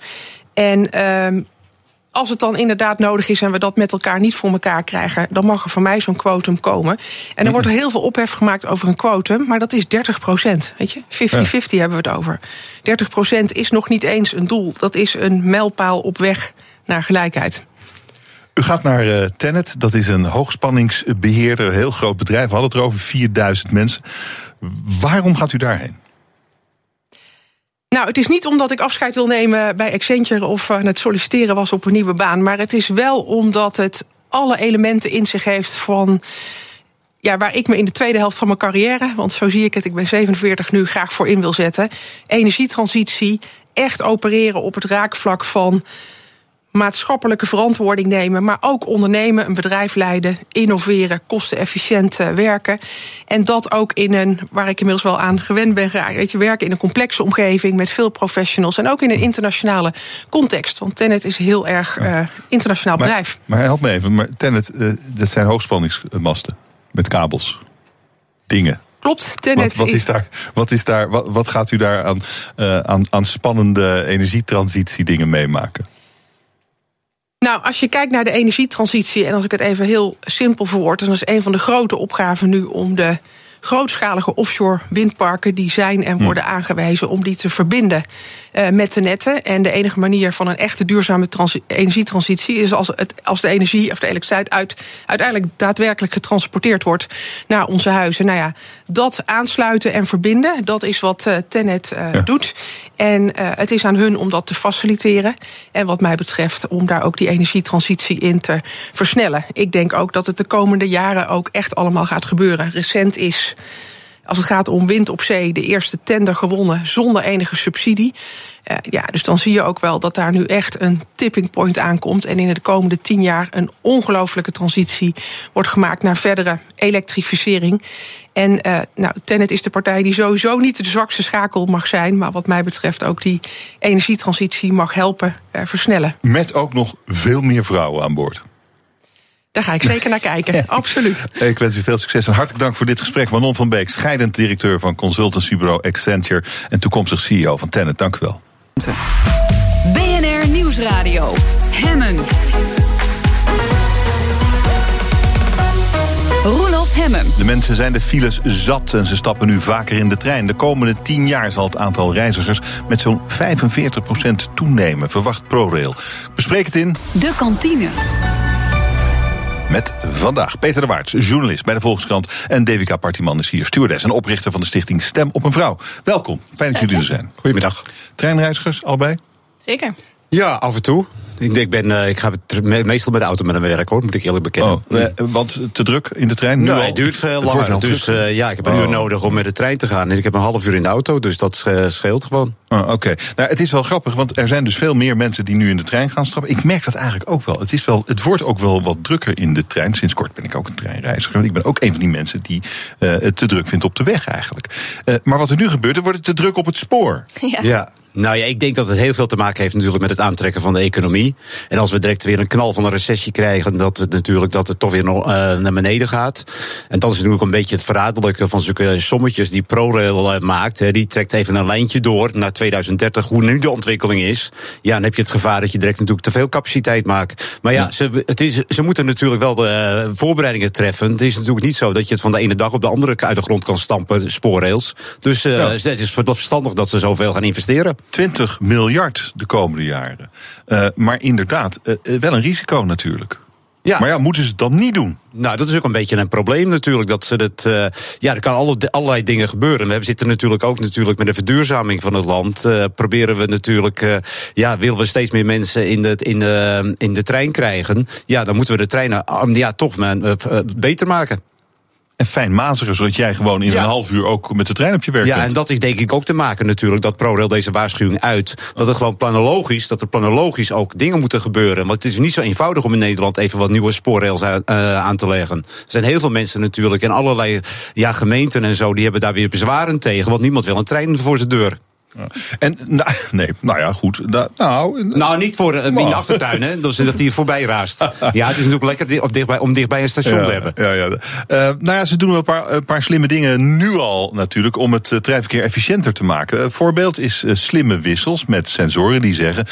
ik ga bijna kapot, ik ga bijna kapot, ik ga bijna kapot. En dan komt er een monteur en die maakt hem voordat hij echt stuk gaat. Ja, ik kan dat, het woord wisselstoring is... ook echt niet meer horen als frequent reiziger.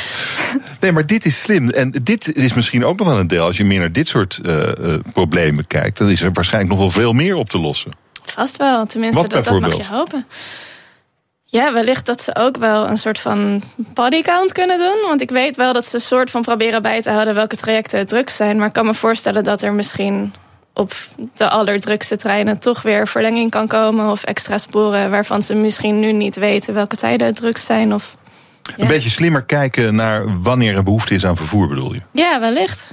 Tegelijkertijd hoorde ik ook dat bedrijven nu aan het kijken zijn van kunnen we dichter in de buurt gaan wonen of nou ja, met ons kantoor dan. Mm -hmm. uh, bij drukke OV-plekken, zodat makkelijker bereikbaar is voor personeel. Dus ook weer minder auto's, dus meer OV-gebruikers. Dus je moet misschien ook meer in gesprek met het bedrijfsleven. Van hey, wat zijn jullie plannen om daarop in te spelen? Maar ik denk toch dat er veel radicalere dingen ook zouden moeten gebeuren. Bijvoorbeeld de metro. En kijk, als je van bijvoorbeeld in, en rond Amsterdam. dan zou je de metrolijnen moeten gaan doortrekken naar Horen, naar Alkmaar, naar Almere. Dat is veel handiger dan spoor aanleggen. Het is veel, ten eerste veel, uh, uh, denk ik dat er veel minder overlast last geeft als mensen dan dat, mens, dat het onder de grond gaat. Dan dat het natuurlijk over de, over de, uh, op het weg gaat.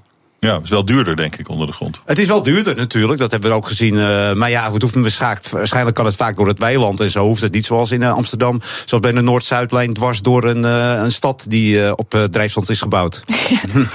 ja, oké, okay, dat is ook een beetje uit de hand gelopen. We hebben een klein trauma aan metro's hier. Devika, jij noemde het al.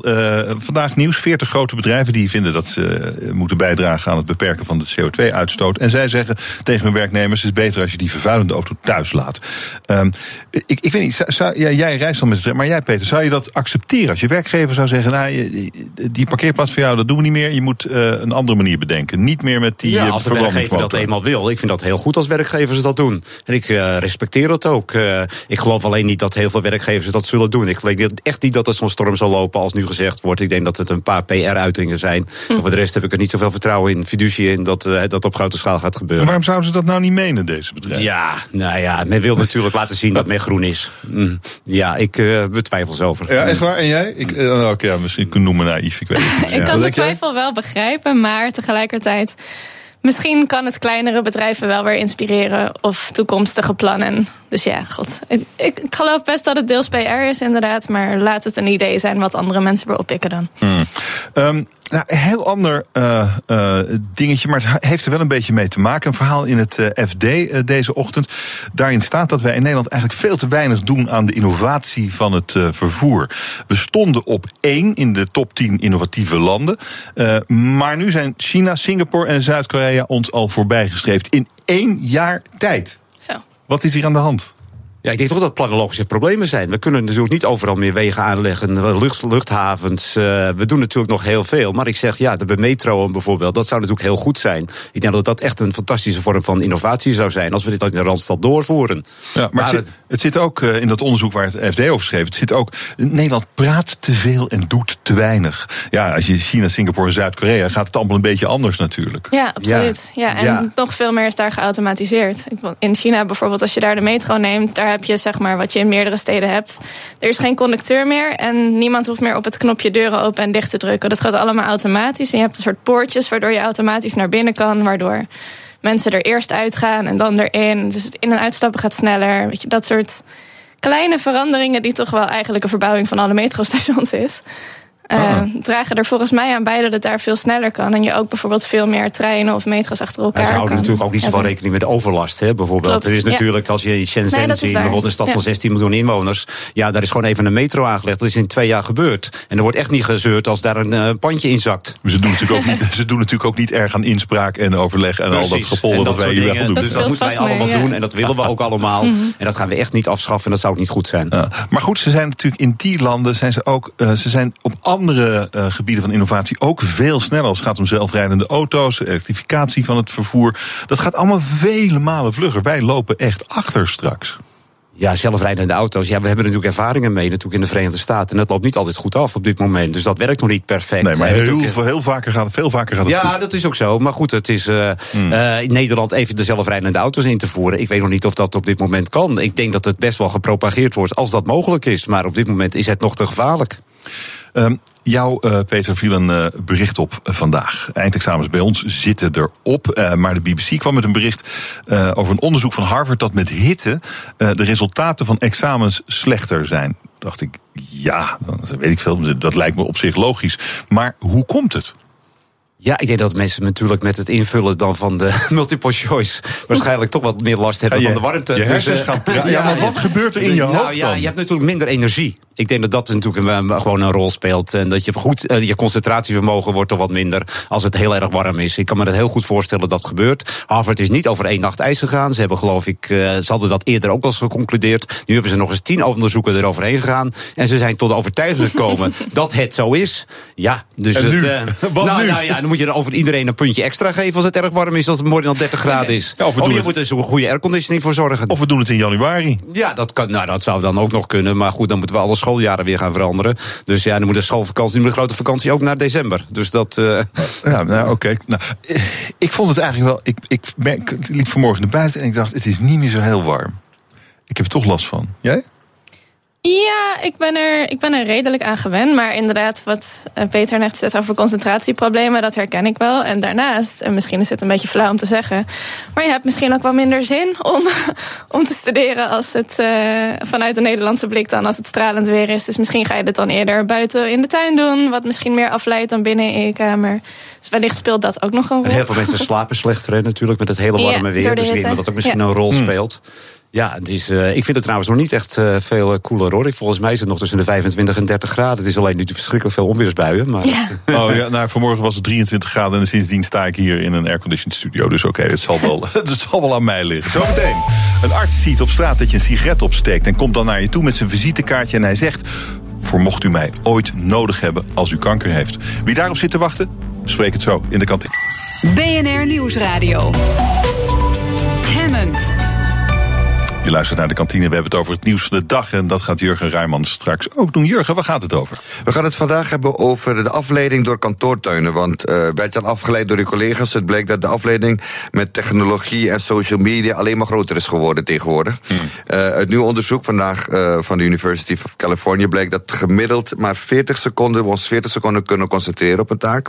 En het duurt dan eh, 23 minuten voor die weer geconcentreerd aan het werk gaat. Nou, er is een berekening gemaakt, dat kost ons in Nederland alleen iets van 50 miljard eh, euro per jaar dan, aan productiviteit. dan werk je nog geen 10 minuten per dag Ja, eigenlijk. ik dacht 10 minuten per dag, dan komt het eigenlijk op neer. Nou, ik zit hier, daar kijk maar om je heen, bij ons op de redactie. Daar heb je ook zo'n kantoortuin waar, waar eh, mensen vaak met elkaar aan het webbelen zijn. Maar de vraag is van, eh, het was het nieuwe werken, hoorde het bij, weet je. We zouden nieuwe flexwerkplekken moeten hebben. Het zou allemaal verfrissend zijn. De mens meer in zijn natuurlijke habitat laten werken met collega's. Nou, we zijn er niet voor geschikt, joh. We moeten gewoon weer terug in onze cubicles. Kantoortjes gewoon weer doen. weet je gewoon, wat moet je een virtual reality bril op, zodat je alleen maar je scherm nog kan zien van je computer en verder door niets wordt afgeleid. Maar ja, we hebben, vandaag hebben we Floris Vrasdonk uh, in de studio. En uh, hij is schrijver van het boek Wie heeft mijn werkplek geplikt. Hij begeleidt organisaties hm. en traint organisaties over het nieuwe werken. Dus misschien kan jij ons een paar tips geven hoe je toch tegen die afleiding kan werken of kan ingaan. Maar ja, mensen, ik weet dat jullie bezighouden. Dus ga even met je hoofd van je werk en uh, luister naar het programma tussen 2 uh, en 3. En stel je vragen dan via Twitter, BNR, via Facebook. Je mag me altijd WhatsApp, het nummer staat op bnr.nl. Of je kan even een mailtje sturen naar askme.bnr.nl. Maar het leukste is gewoon... Gewoon even bellen, de beller is sneller. 020 468 en stel je vraag live in de uitzending. En laat je collega's ook bellen duw ze gewoon even aan uh, in de kantoor. En zijn we met z'n allen even Rijman luisteren. Communiceren. Ja, communiceren, ja. Jurgen, veel plezier Dank zo meteen. Man. Dankjewel. Verder in de kantine, Devika Partiman is bij me, stewardess, oprichter van de stichting Stem op een Vrouw. En Peter de Waard, journalist bij de Volkskrant. En Peter, jij zit waarschijnlijk ook al je hele leven in zo'n kantoortuin, namelijk zo'n redactievloer. Ja, zeker. En uh, ja, het is altijd natuurlijk. Uh, ja, je, natuurlijk, je, wordt natuurlijk afgeleid door collega's. Maar aan de andere kant is het wel een voordeel dat je natuurlijk steeds overleg hebt met collega's. Dus je zit niet zelf in je eentje. Dat je, ik werk ook wel thuis, omdat ik ook columnist ben. En dan vind ik vaak natuurlijk, als je overlegt met collega's, worden vaak columns ook weer wel beter. Of worden dingen ook weer wel beter gedaan. Afspraken worden beter. Dat moet je natuurlijk ook doen bij een krant. En dat moet je ook doen bij de radio. Het is toch heel belangrijk. Mm, ja, en Devika, jij zit maar in dat vliegtuig natuurlijk. Heerlijk. Ja. Alleen jammer van al die andere mensen. verbetering dan mijn kantoorbanen daarvoor. Echt waar? Echt waar, ja. ja. echt. Daarvoor heb ik een jaar bij een bedrijf gewerkt... waar echt geen regels waren over hoe je met elkaar omging in die tuin. Waardoor oh. er balletjes werden overgegooid, geschreeuwd... filmpjes gekeken met geluid aan. Dat is net als hier eigenlijk. Ah ja, nee. Ik, Daar kon jij niet tegen? Ik, kon, ik trok dat niet. Nee, nee, okay. dan ben je met een vliegtuig. Nee, dan is dat beter. Uh, ik wil met jullie praten over roken. Volgens mij roken jullie niet. Nee. Uh, uh, er is een... Uh, het is vandaag uh, anti-rokenwereld, anti-rokendag of, of zoiets in elk geval. Wat mij heel erg opviel was een filmpje uh, vandaag waarin artsen rokers aanspreken op straat. Ze geven eigenlijk een visitekaartje. Het klinkt zo. Hi. Hi. Je Nederlands? Nee. Okay, so I see you're smoking. Yeah. I'm a gynecologist, an oncologist. Yeah. You may need a doctor in the future. So okay. if you don't want to quit or if you end up with cancer, you can call me. Okay. Take care. Dit is nog eens confronterend, hè? Onwijs, ja. Ja, ik weet niet of artsen dat moeten doen hoor, de moraalpolitie gaan spelen. Ik vind dat artsen in de behandelkamer uh, patiënten moeten ontvangen en uh, met hun proberen een diagnose te stellen als ze klachten hebben. En wat artsen dit moeten gaan doen? Moeten ze dat direct ook doen als iemand uh, cola drinkt op straat? Moeten ze dat ook doen als iemand bier drinkt op straat? Als hij ja, in een auto zit in plaats van fietst, is dat ook ongezond? Moet je hem dan aanspreken dat, je, dat hij onvoldoende beweegt als hij overgewicht heeft? Roken is wel het allerslechtste wat je kan doen, hè? Ja, uiteraard. Ja, uh, harsroken is misschien nog, uh, wordt nog slechter geacht. Uh, ik weet het niet precies, maar het, heel veel drinken is ook heel slecht. Dus het, en sommige mensen roken maar twee sigaretten. Nou ja, dat kan natuurlijk. Ik weet niet of dat nou zo verschrikkelijk slecht is. Het is natuurlijk wel als je 40 sigaretten. Ik heb zelf ook gerookt hoor, in het verleden. Dus tot mijn 40ste. Maar het, ik ben er nu heel veel jaren af. Maar het is, het, uiteraard is het slecht. Dus dat zou jij tegen de dokter zeggen als hij zo naar je toe komt met zijn visitekaartje sodemieter op zeg? Dan mag ja, je nou, sodemieter op zou ik niet zeggen. Ik zou zeggen, nee, heeft gelijk. Uh, het is goed advies, maar het, uh, ja, ik zou me niet veel van aantrekken. Ah, Devika? Ik denk dat je toch even geconfronteerd wordt met jezelf. Dat zag en, je wel uh, aan die mensen hoor, hè, hoe ze reageren. En ook al zit je er ongetwijfeld niet op te wachten en is het nogal betuttelend. ik denk dat heel veel mensen redelijk achterloos roken, zeker jonge mensen. Dus wellicht is het een, uh, een goede trigger. Ook om misschien wel zo'n arts te die overgewicht hebben op straat. Van, ja, uh, moet je, je, je moet meer bewegen. Ja. Dat soort dingen krijg je dan ook. Ja. ja, ik weet niet waar het einde is. Ik vind dat dit was niet de taak van artsen. Nee, als actie vind ik het goed. Maar ja, inderdaad, het moet geen gewoonte worden. Maar het moet echt niet uh, nee. in Nederland dat we dat moeten gaan invoeren. Nee. Nee. Oké, okay, nou wie zijn taak is het wel? De overheid, zeggen sommige mensen. Mark Willemsen bijvoorbeeld van het Trimbos Instituut. De overheid zou bijvoorbeeld de accijnzen nog verder kunnen verhogen. Luister. Dat is denk ik een hele belangrijke. Dus als je die accijns inderdaad omhoog gooit, dan gaan mensen inderdaad minder consumeren of ze gaan zelf stoppen met roken. Uh, en verder ook uh, gewoon zorgen dat er een goede, ja, hoe noem het maar even, de infrastructuur is voor mensen om te kunnen stoppen met roken. Dus dat mensen ook makkelijk die stoppen met roken methode tot zich kunnen nemen. Accijns omhoog. Ja. Maak het zo duur dat het niet meer te betalen is.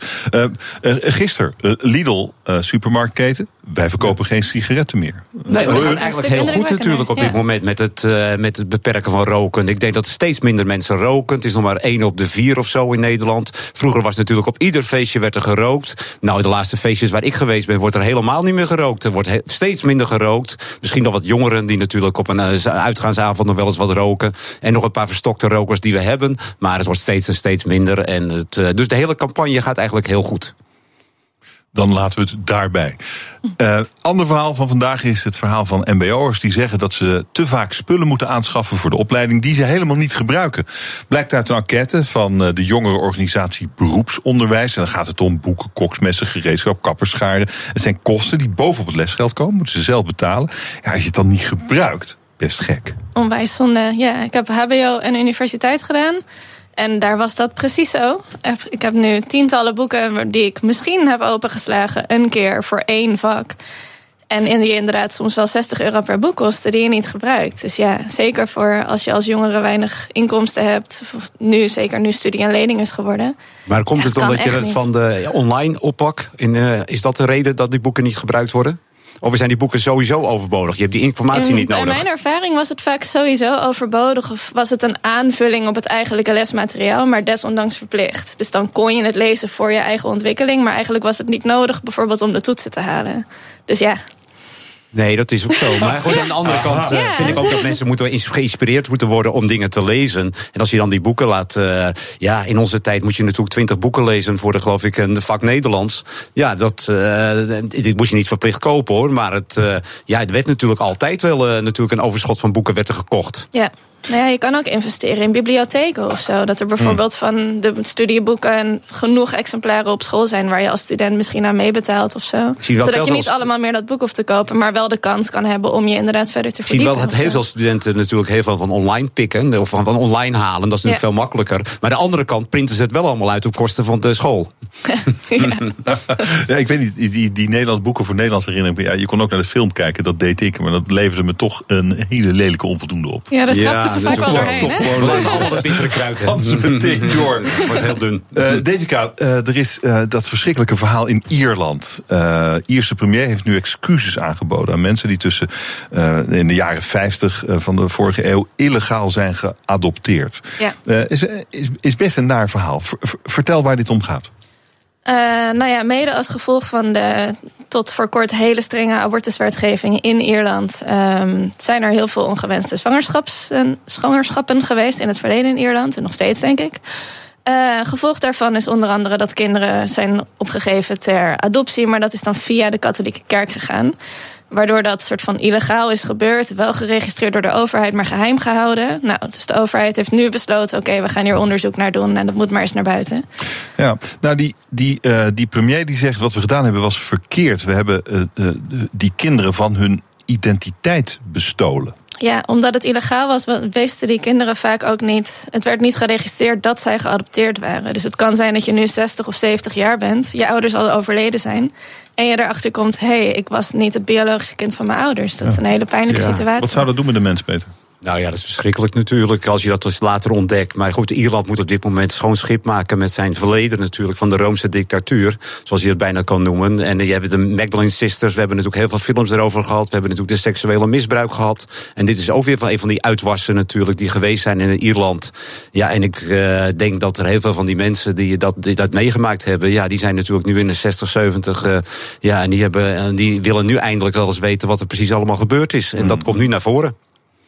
Hebben jullie meegekregen wat er gebeurd is in eh, Hengelo? Op een school in Hengelo er kwam een musical. En de kinderen hadden bedacht: het is leuk, dan laten we eh, een, een stelletje spelen door een homostel. Eh daar heeft de directeur van de school op ingegrepen. Want die zei: eh, ja, lopen hier ook eh, Jehovah's getuigen rond. Die hebben daar misschien problemen mee. Toen is dat niet doorgaan. Homostel is geschrapt. Dat leidt inmiddels tot een rel. Stond in de Telegraaf. En nu gaat de Tweede Kamer zich er ook nog mee bezighouden. Kamerlid van de Partij van de Arbeid gaat hier vragen over stellen. Eh, hebben we hier te maken met een storm in een glas water? Of is dit echt een schandaal? Nou ja, het zou niet mogen. Vind ik zelf. De, ja, je hebt misschien een Joodse ouder of een moslimouder. of wat voor ouder dan ook in de klas. Die hebben ook weer andere normen.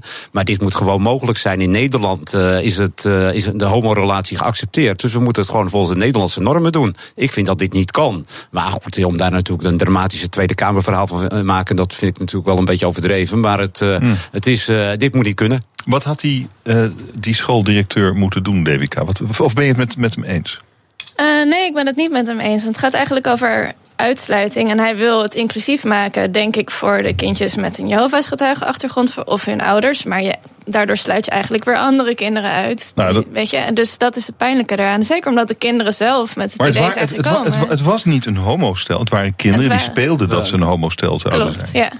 Is, Ja. dat, Nou ja, is dat dan ook al uitsluiten? Nou ja, wel omdat je weet dat toch een percentage van je school ongetwijfeld later. eh, Ja, een als de ouders van deze, dit. Jehovah-kindje het niet willen... dan moet het kindje zelf maar eventjes niet naar deze voorstelling gaan. Dat lijkt me dan de beste oplossing. Dat was precies de vrees van de schooldirecteur. En dat wou die niet. Ja, ja dat, dan weet ik het ook niet. Eh, Dan, eh, maar goed, ik vind dat de enige oplossing die er dan is. En eigenlijk zou dat kindje van de Jehovah-getuigen... gewoon deze voorstelling moeten zien. Dat vind ik eigenlijk het meest terechte. Dat hij gewoon moet snappen Ja. hoe de wereld in elkaar zit. Precies.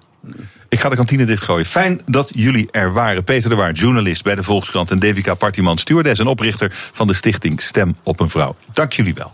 Dit was het voor vandaag. Morgen ben ik er weer. Dan is Lodewijk van der Ginten mijn gast. Hij was directeur van Koninklijke Nederlandse Horeca...